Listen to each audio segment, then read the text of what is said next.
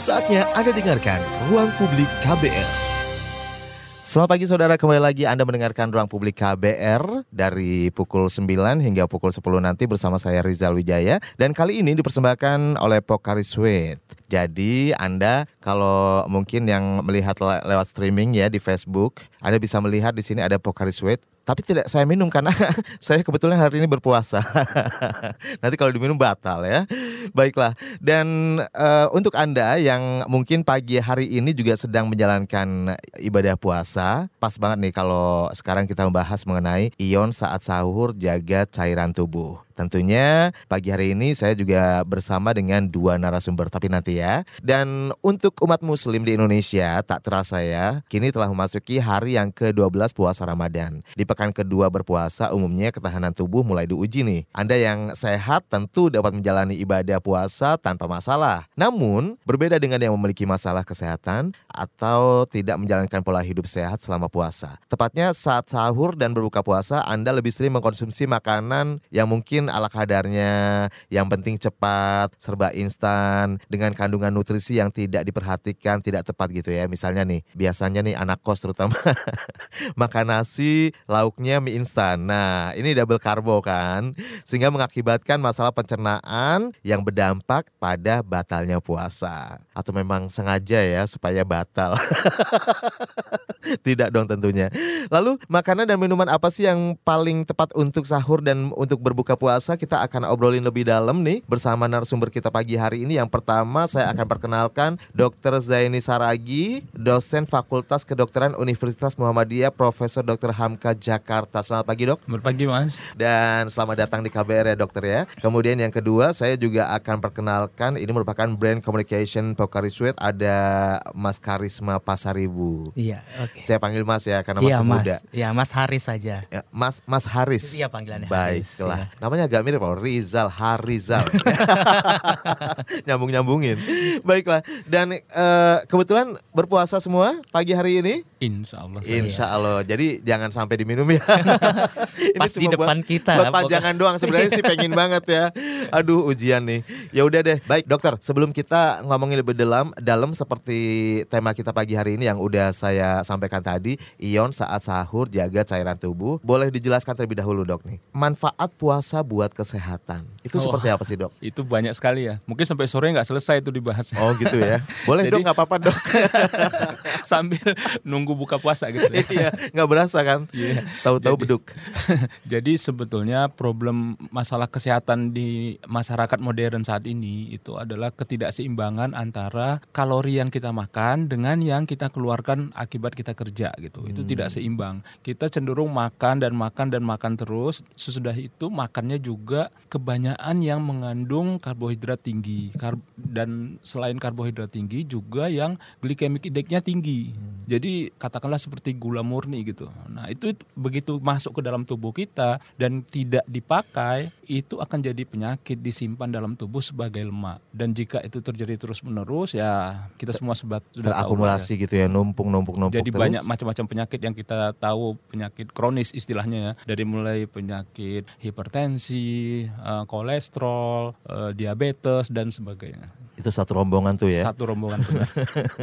Baik. Terus hubungannya dengan puasa pada akhirnya apakah penyakit-penyakit itu jadi uh, bukan penyakitnya ya, tapi pola makannya yang berubah Benar seperti sekali. apa? Jadi bedanya adalah seperti ini. Kalau kita tidak puasa, kita akan cenderung makan hampir setiap saat. Mungkin setiap setengah jam, satu jam, dua jam gitu. Kita pasti makan. Pada saat kita makan, ada peningkatan hormon uh, insulin di dalam tubuh kita. Kenapa? Karena itu respon tubuh kita mengamankan yang kita makan tadi. Jadi akibatnya insulin dalam tubuh selalu tinggi dan itu secara jangka panjang akan mengganggu fungsi tubuh kita. Dikatakan dalam medis itu insufisiensi uh, insulin jadinya. Nanti itu belakangan akan timbul penyakit-penyakit tadi. Nah, bedanya pada saat kita puasa kita tidak akan makan terutama yang ada energinya itu tadi lebih dari 8 jam. Akibatnya apa? Begitu sudah di atas 4 jam tubuh kita itu kekurangan gula, tubuh kita akan membakar gula yang ada sebagai cadangan dalam tubuh kita. Cadangan itu ada dalam bentuk lemak dan protein. Nah, pada saat itu insulinnya tadi itu yang biasanya tinggi akan turun dan diganti fungsinya oleh namanya hormon glukagon. Hmm. Nah, glukagon ini akan membakar lemak kita nih, seperti saya di bawah kulitnya,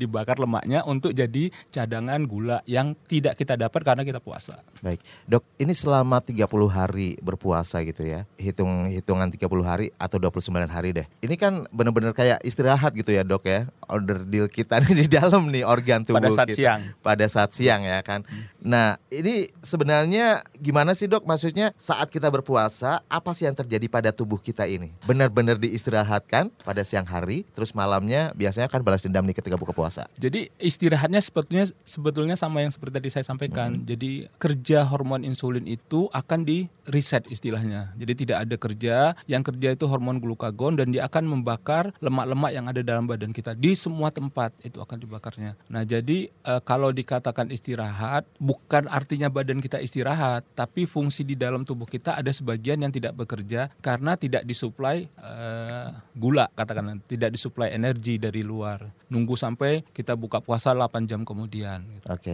jadi untuk beberapa orang yang mungkin menderita penyakit tertentu gitu ya dok. Ada nggak sih yang mungkin tidak disarankan mendingan tidak berpuasa nih karena atau seperti apa? Ada ya. ancaman misalnya? Ya terutama yang um, resiko eh, orang-orang yang menderita sakit diabetes mm -hmm. ya orang yang menderita sakit diabetes itu pasti harus hati-hati apakah dia masih bisa berpuasa atau enggak mm -hmm. atau kalau dia berpuasa menyesuaikan uh, konsumsi obatnya seperti apa aktivitas hari-harinya seperti apa uh, karena kalau itu tidak diatur bisa jadi pada siang hari puasa dia jatuh ke dalam keadaan hipoglikemi dan itu berbahaya sekali.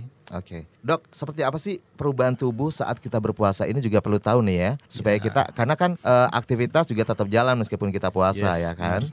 Apalagi buat yang seperti saya nih, dari pagi sampai pagi lagi, maklum dok, kejar stora. Kencang ya? iya kencang. Gimana dok? Jadi e, kalau kita e, mau lihat e, kondisi tubuh kita secara fisiologi, kita bisa katakan ada beberapa sistem yang membuat tubuh kita tetap hidup. Yang pertama sistem energi. Sebetulnya kalau kita bicara sistem energi, seandainya kita tidak makan sama sekali, kita itu nggak akan apa-apa. Katakanlah paling bahaya tidak akan mati sampai sekitar dua bulan tanpa makan. Oh, Jadi misalnya ada orang berpetualang ke pegunungan atau apa terus tersesat, dia diam di situ, nggak bisa makan. Nah satu, dua bulan tuh dia nggak akan mati. Itu sistem energi. Kenapa? Karena cadangan energi dalam tubuh kita itu sangat banyak dari lemaknya, protein dan sebagainya lah gitu. Nah, yang kedua sistem yang cukup harus kita jaga sebenarnya adalah sistem elektrolit dan cairan. Nah, ini kalau kita katakanlah minum gitu ya, kita tidak minum nggak sampai dua bulan, itu sekitar 2 sampai tiga hari nggak minum, nah kita mungkin bisa kolaps. Nah, itu itu yang kedua. Yang ke satu lagi adalah sistem metabolisme oksigen. Nah, kalau ini hitungannya cuma menit. Kalau kita nggak dapat oksigen ya kita langsung tewas itu. Intinya uh, dua, dua hari bisa bertahan ya tanpa iya, makan ya. Tanpa Apala minum. Eh tanpa minum. Iya. Apalagi cuma berapa jam ya? Iya.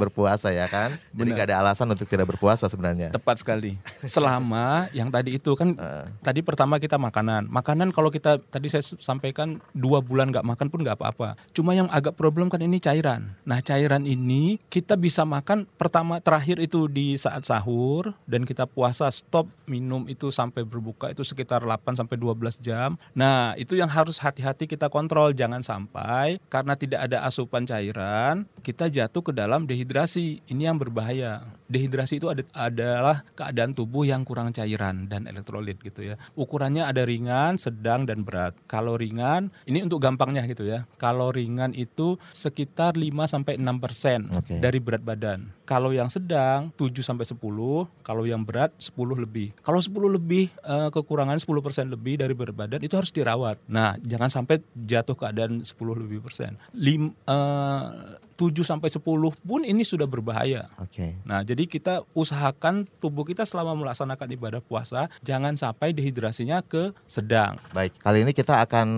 bertemu dengan Bapak Paul dari Sintang, Sulawesi ya, yang sudah menghubungi kami di 0800 140 3131. Selamat pagi, Pak Paul. Selamat pagi. Pak Paul di Sintang, betul? Betul sekali. Pak. Ya, silakan Pak Paul ada yang mau ditanyakan Pak Paul. Ini Pak mau menanyakan eh, tentang ini eh, masalah penyakit nih Pak. Dengan ini penyakit istri saya itu eh, asma, cuman udah dihidapkan udah beberapa tahun gitu. Cuman untuk mengatasinya itu kayak gimana itu dok? Oke, langsung ya ada lagi Pak Paul? Terus eh, untuk anak saya tuh usianya sekarang enam tahun dari dari bayi dia tuh mengkonsumsi SGM SGM tuh dua, selama dua tahun. Ya, Terus sekarang eh, sekarang dia mengkonsumsi su- ini susu kaleng. Ada nggak efeknya untuk anak saya sekarang Pak? Makasih. Baik, terima kasih. Ya, dokter, mungkin bisa ditanggapi. Mungkin yang kedua pertanyaannya di luar konteks tema pagi ini ya. Ya. Tapi nggak apa-apa ya dok ya. Ya, boleh. Oke.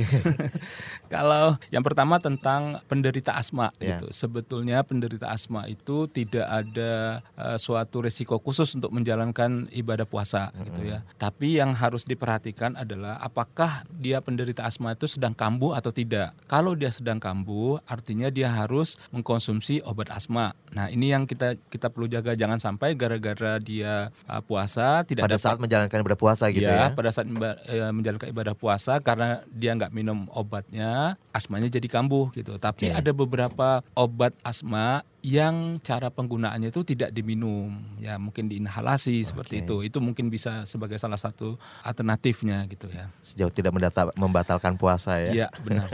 Ini yang susu kaleng-kaleng ini gimana? nih? Sebetulnya Oh, eh, angka dulu telepon. oke. Berikutnya dari Sintang kita ke Manado, Pak. Jauh-jauh ya. Iya.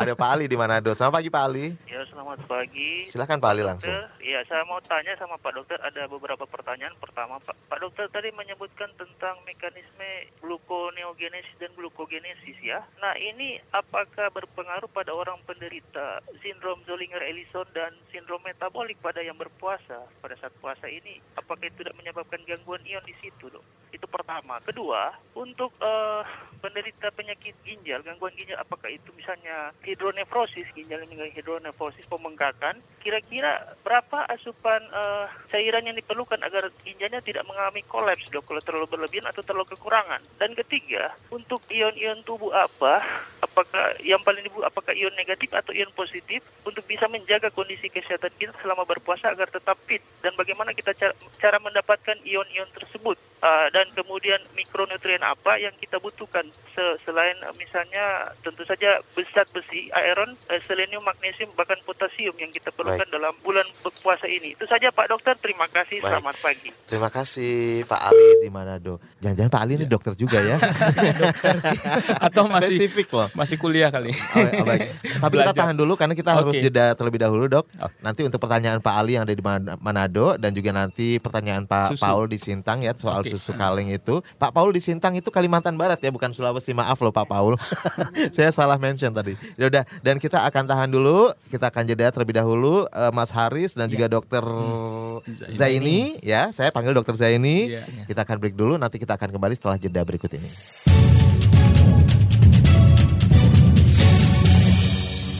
Ya, bersama saya Rizal Wijaya di Ruang Publik KBR. Pagi hari ini kita masih membahas mengenai ion saat sahur jaga cairan tubuh bersama Pokari Sweat ya. Dan pagi ini saya juga tidak sendirian karena masih bersama Dr. Zaini Saragi, dosen Fakultas Kedokteran Universitas Muhammadiyah Profesor Dr. Hamka Jakarta. Kemudian ada Mas Harisma Pasaribu, Brain Communication Pokari Sweat. Tadi ada beberapa pertanyaan telepon yang udah masuk di 0800 140 3131. Ada Pak Paul di Sintang, kemudian Pak Ali di Manado. Nah, ini kalau yang Pak Paul tadi pertanyaannya ada yang belum terjawab, tapi tahan dulu karena ada satu penelpon lagi. Masih dari Sintang kali ini, mungkin tetangganya Pak Paul ya. Ada Pak Akyong. Selamat pagi Pak Akyong. Ya, assalamualaikum. Waalaikumsalam.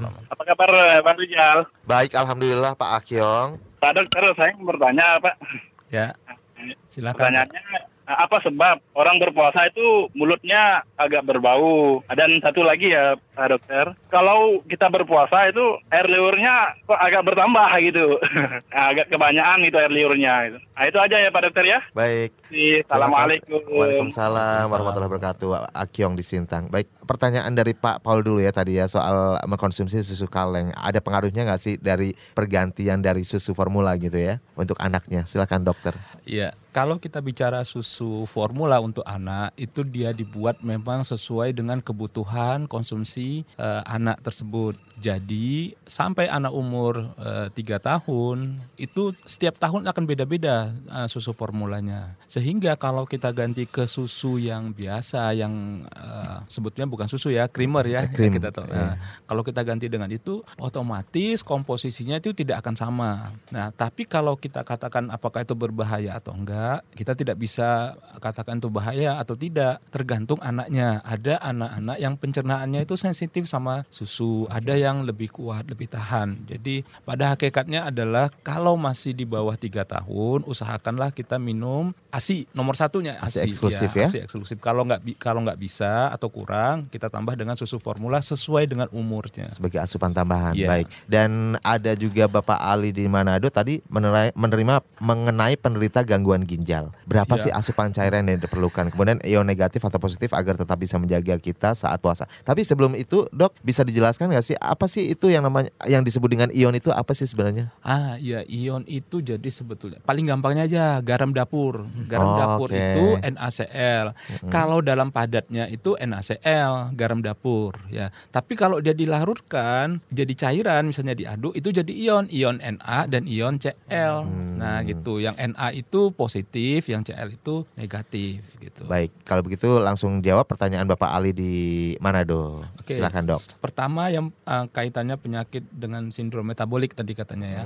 Nah, sama juga dengan pertanyaan berikutnya yang gangguan ginjal, uh, kita melihat kondisi penyakit orang tersebut untuk mengetahui apakah dia kontraindikasi tidak untuk puasa atau boleh nggak puasa. Dan itu ada parameternya. Harus kita misalnya kita periksa ke laboratorium, lihat misalnya yang gangguan ginjal tadi uh, ureum kreatinnya seperti apa. Nanti dari situ kita mengadjust dia min- bolehnya minum eh, bolehnya puasa eh, berapa jam sampai eh, berbuka boleh tidak gitu. Karena salah satu beresiko juga ya. Iya, karena kalau misalnya gagal ginjal, ginjalnya kan nggak bisa bekerja dengan bagus. Nah, kalau misal sementara tadi yang saya sampaikan kita bicara di awal tadi, pada saat kita puasa, metabolisme yang terganggu itu ada dua, satu energi dan satunya lagi cairan elektrolit. Nah, kalau orang sakit ginjal, ini elektrolitnya pasti terganggu di ginjalnya gitu. Oke. Jadi itu sangat individual lah gitu ya. Saya tidak bisa ceritakan di sini. Uh, mungkin Pak Ali bisa menghubungi dokter. Nah, di situ bisa di Konsultasikan ya. ya. Nah, sekarang mengenai ion negatif dan ion positif ya. Sebetulnya semua eh, yang kita minum harus seimbang. Nah, sebetulnya ini agak menarik. Eh, Saya akan sedikit lebih agak panjang nih ya, nggak apa-apa ya. Nggak apa-apa. Jadi Nggak eh, apa dok, saya juga istirahat nih jadinya. Enggak dok, saya juga belajar kan jadi Iya. akhirnya. Jadi salah satu jenis minuman yang dikatakan gampang untuk diserap itu adalah yang namanya isotonus. Isotonus itu maksudnya kekuatan ionnya itu sama yang dengan di dalam tubuh kita. Jadi begitu kita minum langsung diserap masuk ke dalam aliran darah. Itu namanya isotonus. Komposisinya cairan tubuh ya dok ya. Ya, Oh, jadi oke. sama ionnya gitu. Cuma ada beberapa produk yang ionnya jenisnya beda, tapi positif negatifnya sama gitu. Contohnya gini, misalnya kalau di air garam lah katakan gitu ya, dia itu ion positifnya natrium, ion yang positif, yang negatifnya klorida. Oke. Tapi ada produk eh, minuman eh, isotonus yang lain, dia di- dikasihnya itu bukan natrium, malah kalium. Hmm. Nah, tentunya ini akan berbeda-beda eh, tanggapan tubuh terhadap eh, yang masukan itu gitu ya. Baik. Nah, ini soal minuman ya. Kan depan saya ini sudah menggoda dari tadi Pocari Sweat ini. Apakah Pocari Sweat ini juga salah satu jenis minuman yang mengandung ion-ion yang disebut tadi oleh dokter atau seperti apa? Tentunya nanti ya, sabar ya penjelasannya bersama Mas Haris nih. Saya juga nggak sabar banget nih udah pengen ngobrol sama Mas Haris nih. dokter, ini ada beberapa pertanyaan juga. Oh iya, Pak Akyong. Dari Pak Akyong tadi belum kejawab juga Pak Akyong. Oh iya. Apa sebab orang berpuasa mulutnya agak berbau? Kalau kita puasa, air liurnya kok tambah banyak ya? Tidak Iya. tidak seperti biasanya. Ya, pertama air liur tambah banyak karena kita eh, dalam keadaan tidak masuk minuman, sedikit dehidrasi sehingga eh, kelenjar liur di dalam eh, mulut kita itu akan lebih banyak mengeluarkan sekresi. Oke. Ada menariknya ini. Sebetulnya kapan sih kita dikatakan haus? Pertama kalau tubuh kita secara di dalamnya itu cairannya kurang, itu kita haus. Tapi sebetulnya kalau kita haus karena cairannya kurang, itu udah dehidrasi sebetulnya ringan. Berarti dari air liur yang produksinya banyak ini lumayan membantu ya. Iya. yang menariknya di sini, sebetulnya pada saat kita haus, eh, gimana sih caranya supaya sebagian minimal se- sensasi hausnya hilang? Sebetulnya gampang, karena sensornya cuma ada di bibir kita. Oke. Jadi begitu bibir kita ini kita basahi, itu di memori kepala kita akan menyebut kita seolah-olah sudah minum. Tersugesti gitu. Iya. ya. Jadi hanya di situ sebetulnya gitu. Be- makanya eh, kadang kita disuruh untuk ngebasuh atau kumur-kumur supaya eh, basah dan kita tidak terlalu haus gitu. Sensasinya ya, bukan haus beneran. Nah, sekarang kenapa mulut kita bau? Karena liur yang ada di sini, kelenjar yang ada di sini eh, itu tidak eh, dinamis, tidak berputar-putar, hanya di situ terus. Dan sebagaimana kita tahu, mulut kita ini banyak eh, bakterinya di dalam, banyak kuman segala macam. Nah, karena tidak bertukar kelenjar lidahnya, lidahnya itu ludahnya itu tidak berganti di situ terus, akhirnya si kuman akan tumbuh tambah banyak tambah banyak, dia mengeluarkan sisa-sisa metabolisme kuman, itu yang menimbulkan bau. Jadi kalau bulan puasa mulutnya baunya wangi justru curiga ya dok ya. Nggak gitu juga. Baik, tapi tunggu dulu saya penasaran nih tadi untuk Mas Haris, Pocari Sweat. Ya. Ini saya sering sih konsumsi ini sebenarnya Pocari Sweat, terutama saat buka puasa ya. Buka puasa ya. Kalau saat sahur saya seperti apa ya eh, dalam pikiran saya air putih itu yang terbaik gitu. Iya. Jadi masih ada rasa khawatir. Sebenarnya gimana sih mengandung ion kah? Terus amankah dikonsumsi terutama saat sahur atau seperti apa? Oke, Silakan langsung ya. penjelasannya. Oke, ya tadi seperti yang udah disampaikan oleh dokter ya. Jadi Pocari Sweat itu adalah salah satu minuman isotonik. Ya tadi Hmm. isotonus yang dibilang dokter. Isotonik itu apa adalah eh, minuman yang komposisinya itu adalah mirip dengan cairan dalam tubuh kita. Oke. Gitu. Jadi apa aja sih yang ada dalam cairan dulu dalam tubuh kita itu adalah air dan ion. Nah, tadi ion udah dijelaskan oleh dokter bahwasanya ion itu adalah garam-garam atau mineral-mineral dalam tubuh kita gitu. Jadi dalam tubuh kita ini tidak hanya ada tidak hanya air putih biasa aja, tetapi ada yang eh, namanya eh, garam atau ion yang tertandai dengan apa? Mungkin kita kalau banyak beraktivitas fisik, Mas biasanya banyak mengeluarkan apa, Mas? Keringat ya. Iya, Nah, keringat karena ras- saya suka jogging, badan Ah. saya makanya bagus. kan? Nah, keringat kita tahu rasanya asin ya. Nah, asin itu oh namanya iya ya, keringat asin Iya, ya. kalau kita mungkin lagi olahraga kan mungkin netes ke dalam Iya, bibir betul, betul, kita betul. asin. Nah, asin itu kan biasanya identik dengan yang namanya garam. Betul. Gitu. Jadi eh, terutama itu tadi penjelasan sedikit mengenai ion dan Pocari Sweat. Nah, jadi pada saat kita berpuasa, kita memang menyarankan eh, tagline kita itu adalah diminum pada saat sahur. ya. Oh, justru pada saat sahur Ah, ah. aman ya. Iya pada saat sahur aman karena kan kita pada saat sahur kan pastinya eh, makan menjelang Hmm. imsak dan sebagainya kita memang harus kita eh, makan dan memang lebih banyak harus minum. Jadi kenapa? Karena pada saat kita berpuasa kan kita 12 eh 13 sampai 14 jam Hmm. Berpuasa. Pastinya kita di situ kita banyak beraktivitas dan sebagainya pasti kita memerlukan namanya kebutuhan cairan. Jadi memang ada fungsi ion itu adalah untuk mengikat cairan dalam tubuh itu agar bertahan lebih lama. Makanya harus diminum pada saat sahur agar kita setelah eh, sahur kita berpuasa selama 13-14 jam kita dapat eh, beraktivitas dengan baik dan cairan kita tidak gampang keluar. Nah, saya sih. juga penasaran nih kalau misalnya kebutuhan ion orang umumnya gitu ya, Iya. apakah bisa di cover dengan satu botol Pocari Sweat ini atau seperti apa? Tapi Iya. tunggu dulu ya. Oke. Ada Bapak Ramli di Bengkulu yang menelpon kami. Halo, selamat Iya. pagi Pak Ramli. Selamat pagi.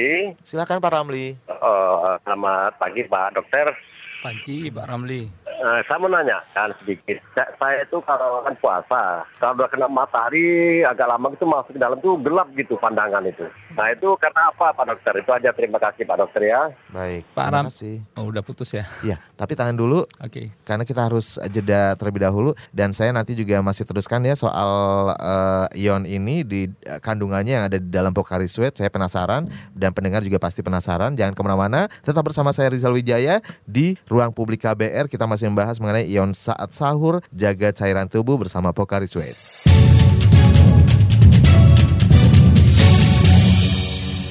Ya, kita masuk segmen ketiga ya untuk pagi hari ini di ruang publik KBR bersama Pocari Sweat dan kita masih membahas mengenai ion saat sahur jaga cairan tubuh. Pokoknya kalau puasa memang kita selalu berhubungan dengan yang namanya cairan tubuh ini ya, membutuhkan cairan tubuh lebih. Baik, dan kita juga masih bersama Dr. Zaini Saragi dan juga Mas Karisma Pasaribu. Ada beberapa pertanyaan juga yang sudah masuk. Nanti kita akan jawab satu persatu dan ada Bapak Aji di Jakarta yang udah menghubungi kami di 0800 140 3131. Pak Aji, Selamat pagi. silakan Pak Aji. Iya betul dokter. Begini, eh, kebetulan kan saya hobi olahraga nih dok. Nah ketika bulan puasa, saya olah olahraganya berkurang nih dok. Sebenarnya kalau untuk kesehatan gimana sih dok? Terus apakah ada kaitannya nanti misalkan nih saya minum Pocari Sweat di sahur, sama saya minum air mineral biasa ataupun mungkin susu atau teh gitu dok? Udah itu aja Pak Aji. Ya mungkin mungkin itu aja. Ah, Ai, Baik. Olahraganya apa Pak Aji? Olahraganya apa nih? eh, olahraganya lari sih mas. Oh, Oh, kirain oke. olahraga ekstrim apa gitu.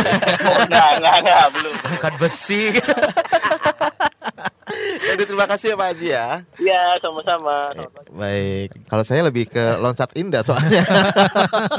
Silakan dok. Oke. eh, Tapi pertanyaan Pak Ramli tadi Pak belum Ramli dulu terjawab ya. dok. Oke, eh, jadi keluhan pandangan gelap tadi itu sesudah eh, di suatu posisi lah katakan gitu ya, mungkin dari duduk ke berdiri, mungkin kena matahari atau apa. Apalagi itu berasa banget ya dari luar kena matahari Iya. masuk ke ruangan gelap. Itu sebetulnya umumnya disebabkan karena suplai darah kita tidak cukup ke kepala ke otak. Oke. Jadi suplai darah kita itu terganggu. Kenapa bisa terganggu? Karena salah satunya karena tekanan darahnya terlalu rendah atau pada kondisi yang dia mulai sedikit dehidrasi.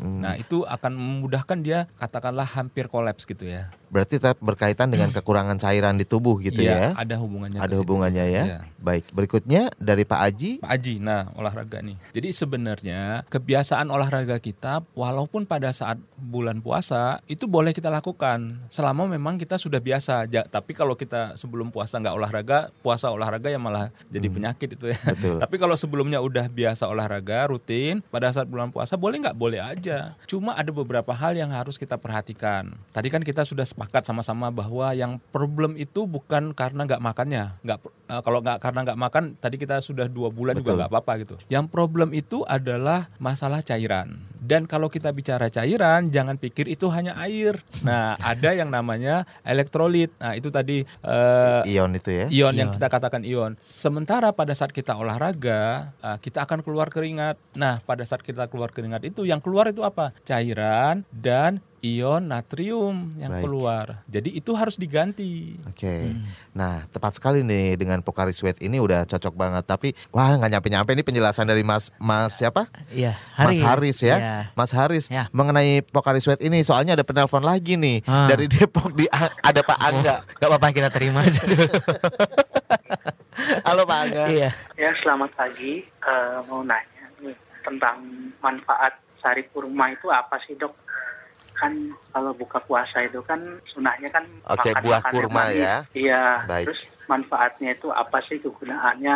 Apakah hmm, pencernaan itu apa itu namanya? Tidak, Ya, apakah tidak itulah, mengganggu pencernaan gitu ya? mengganggu pencernaan gitu. Baik, terima kasih ya Mas Angga Iya. di Depok. Langsung saja dok. Ya, eh, kurma itu komposisinya adalah banyak mengandung gula sederhana atau kita bisa tahu begitu kita makan langsung manis terasa gitu. Dan manisnya itu dari glukosa, gula sederhana. Lantas kenapa kalau glukosa, gula sederhana? Itu dia gampang diserap. Jangan bandingkan dengan masalah isotonus ya, beda lagi. Ini masalah karbohidratnya. Gulanya itu ada gula yang sederhana, ada yang kompleks. Kalau gulanya kompleks itu susah nyerapnya. Tapi kalau gula sederhana itu gampang nyerapnya. Dan kurma itu termasuk gula sederhana sehingga walaupun kita baru makan, gulanya itu langsung masuk ke dalam aliran darah dan membuat kita langsung segar gitu. Hmm, Oke. Itu Itu kelebihannya. pengaruhnya ya. Kenapa uh, memilih kurma yang pertama kali Iya. begitu buka puasa dan bahkan menjadi sunnah kan? Ya, sebetulnya nggak mesti kurma ya. Ya. Sebetulnya buah-buahan yang lain pun bagus eh, selama dia mengandung gula yang sederhana tadi. Pantesan ada ini ya kata-kata mutiara berbukalah dengan yang manis gitu Iya. ya, Dok. Jadi ingat buka nih. Kalau saya berbukalah dengan duit, Dok.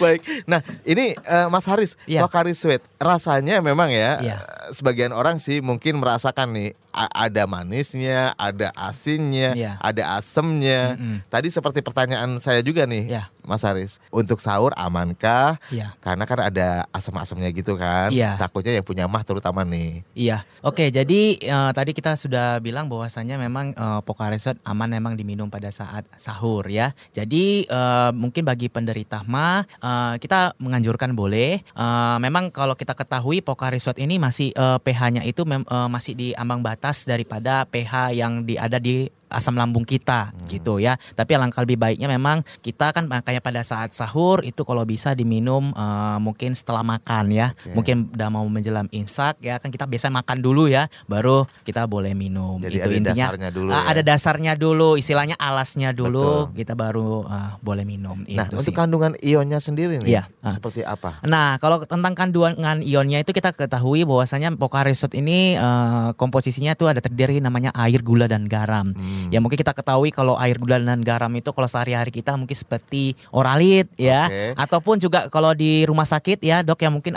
cairan infus. Nah kita ketahui kalau cairan infus kan melalui pembuluh darah kalau gak oral diminum ya? iya nggak diminum. ah, tapi kalau Pocari Sweat maupun oralit itu kan melalui cairan oral. Jadi hmm. uh, air gula dan garam jadi fungsinya seperti itu. Jadi seperti tadi ada natrium, kalium, klorida dan sebagainya sih itu. Baik. Ya. Nah, ada beberapa pertanyaan juga yang udah masuk melalui SMS dan WhatsApp ya di 0812 118 8181. Ya. Selamat pagi, ada Mbak Rini di Bekasi. Ya. Puasa kan bagus untuk tubuh nih, tapi kalau pas buka atau sahurnya makannya gila-gilaan sama aja dong. Maksudnya berlebihan gitu ya karena kalap mungkin. Apalagi menunya gorengan, santan dan lain-lain. Ya. Kayaknya masyarakat Indonesia itu emang nggak bisa dipisahkan Jauh dengan gorengan. Ya.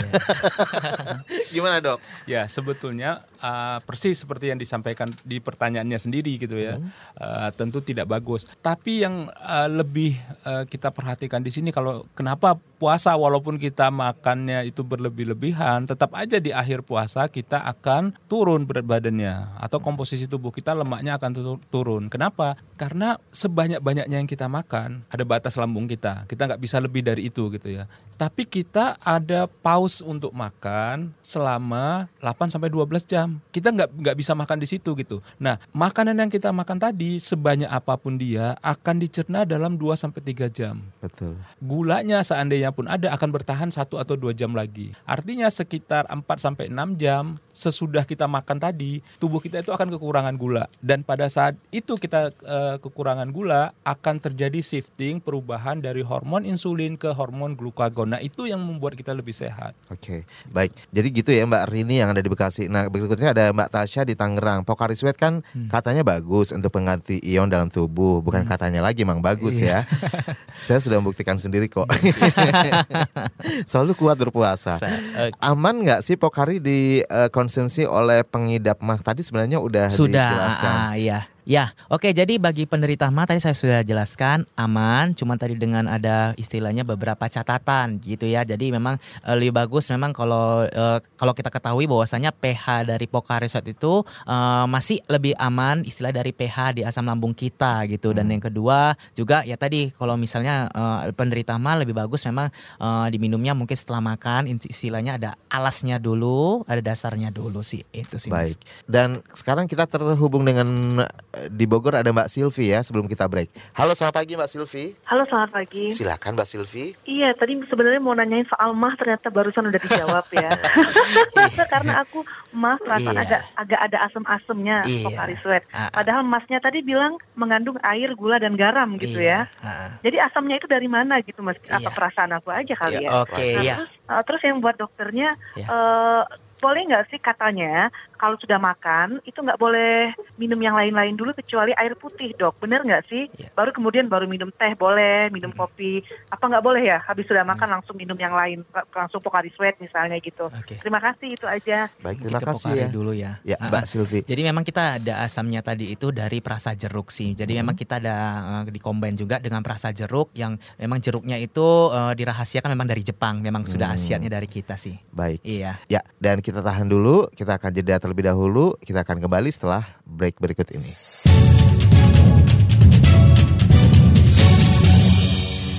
Gak terasa sekarang kita sudah masuki segmen terakhir Betul loh tadi sambil kayak ngabuburit sambil nungguin buka puasa Bener loh udah deket banget sama buka puasa ya Berasa deket tapi masih jauh sebenarnya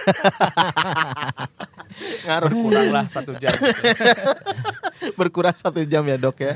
Dan Anda masih bersama saya Rizal Wijaya di ruang publik KBR bersama Pokari Sweat dan kita masih membahas ion saat sahur jaga cairan tubuh. Kali ini masih bersama Dr. Zaini Saragi, kemudian Mas Haris juga, Ya. Brand Communication Pokari Sweat ya. Ya.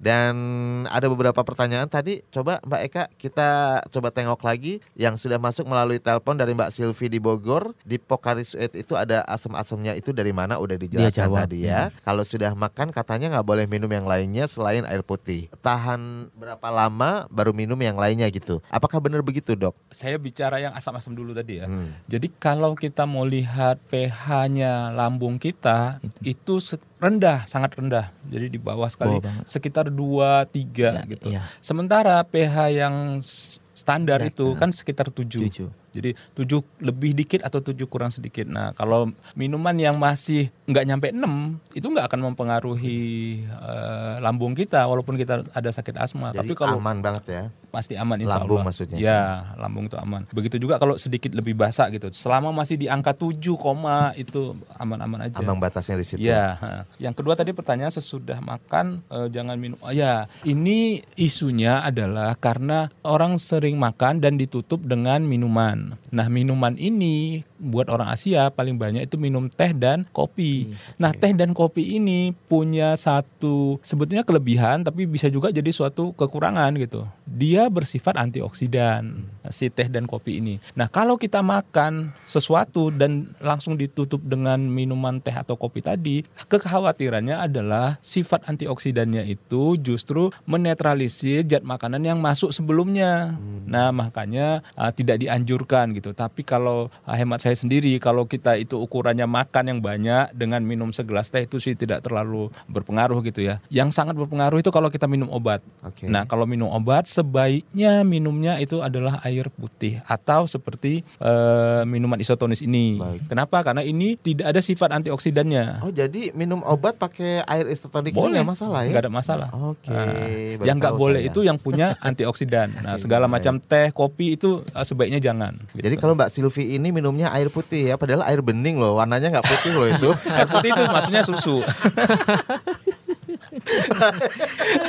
nah ini Pocari Sweat ini Iya. dengan rasanya yang macam-macam ya, Mm-mm. eh, ada asin, ada manis ya kan, karena mengandung ion itu. Ya. Nah, apakah juga aman dikonsumsi sama anak-anak nih? Ya, oke. Eh ya Pocari Sweat Mas tadi kalau macam-macam biasanya dibilang rasa anggur, rasa jeruk Oh, ini enggak, ya. bukan varian. Eh, varian Ya, ya. Jadi kita memang satu rasa. Nah, jadi kalau untuk anak-anak ya Mas ya. Nah, kita menganjurkan kalau untuk anak-anak bisa dikonsumsi dari anak-anak umur satu tahun ke atas gitu. Jadi kalau anak anak-anak umur satu tahun ke atas istilahnya pencernaannya sudah mulai sempurna gitu. Nah, kalau satu tahun ke bawah biasanya kita ketahui memang fokus pada ASI. Jadi memang kita anjurkan satu tahun ke atas gitu. Baik. Ya. Selain eh, kandungan ionnya yang sudah pas banget pokoknya Ya. ya dalam untuk asupan tubuh kita Hmm. nih, Pocari Sweat keunggulannya apa lagi nih? Ya, keunggulannya tadi kita tahu yang eh, pertama tadi ya komposisinya tadi itu udah memang mirip dengan cairan tubuh ya, sudah memang seimbang. Tadi udah sesuai dengan fisiologis dari eh, tubuh kita. Yang kedua kita pastinya juga tanpa bahan pengawet ya. Jadi tanpa bahan pengawet kita memang sudah teruji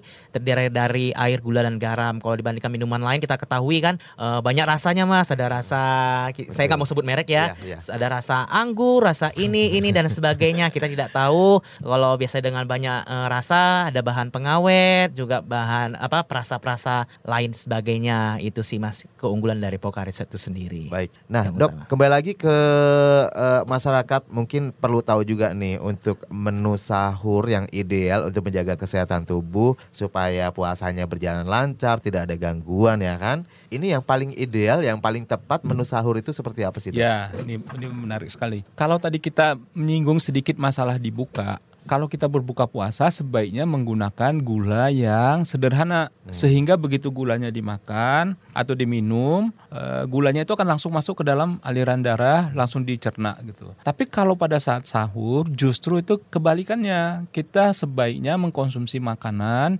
yang GI-nya itu eh, rendah, yang dia lama dicerna baru dia diproses dalam tubuh baru jadi gula gitu. Jadi kalau makanan eh, tradisional Indonesia itu cukup bagus. Kenapa? Karena banyak seratnya, ada buah dan sebagainya. Kita makanan kita tuh kan campur-campur macam-macam ya. Nah, jadi itu sangat bagus karena pencernaannya susah. Tapi kalau makanan yang cepat saji Nah itu justru kurang bagus. Kenapa? Karena itu umumnya gulanya itu gula sederhana. Jadi begitu kita makan langsung jadi gula, langsung dicerna satu atau dua jam lagi udah habis efek gulanya. Hmm. Nah itu yang nggak bagus. Jadi pilihlah makanan yang kompleks gitu, yang macam-macam isinya. Jangan yang manisnya aja gitu. Oke. Satu lagi mas boleh nggak? Boleh, Minta boleh, waktu, ya. Ini terkait sama olahraga. Nah olahraga tadi kan ada Mas Aji yang nanya gitu ya. Uh, jadi kita tetap boleh olahraga di saat bulan puasa dengan mempertimbangkan beberapa hal. Yang pertama kita harus olahraga di udara yang nyaman. Oke. Jangan olahraga di panas terik jam 12 siang gitu. Jangan seperti itu gitu. Kalau kita Nantangin banget tuh. Langsung dehidrasi dia. Ya, langsung dehidrasi.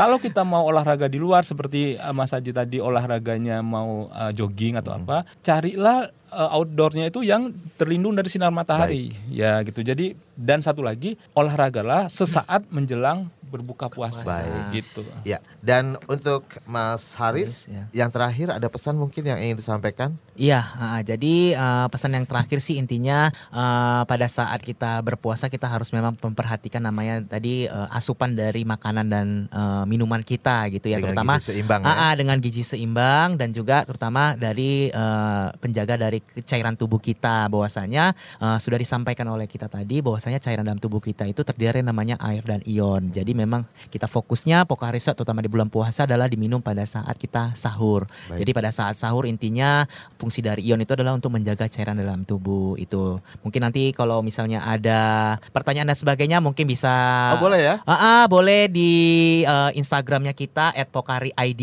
Oke. ya ataupun juga di Twitter juga atau di eh, website di. Search Itu. di semua platform Ah, Pokari ah, Siap nanti langsung dan akan langsung dijawab oleh eh, saintifik kita. Oke, Ya. terima kasih dokter dan juga Mas Haris Iya. atas waktunya sudah ngobrol-ngobrol selama satu jam banyak Iya. ilmu yang sudah kita Iya. dapatkan. Sebenarnya terutama- tidak cukup karena Tidak tetap per- seperti kata dokter, ya kalau bisa dibahas sampai buka puasa. sudah. Dan saya Rizal Wijaya harus segera pamit. Terima kasih. Salam. Baru saja Anda dengarkan Ruang Publik KBR.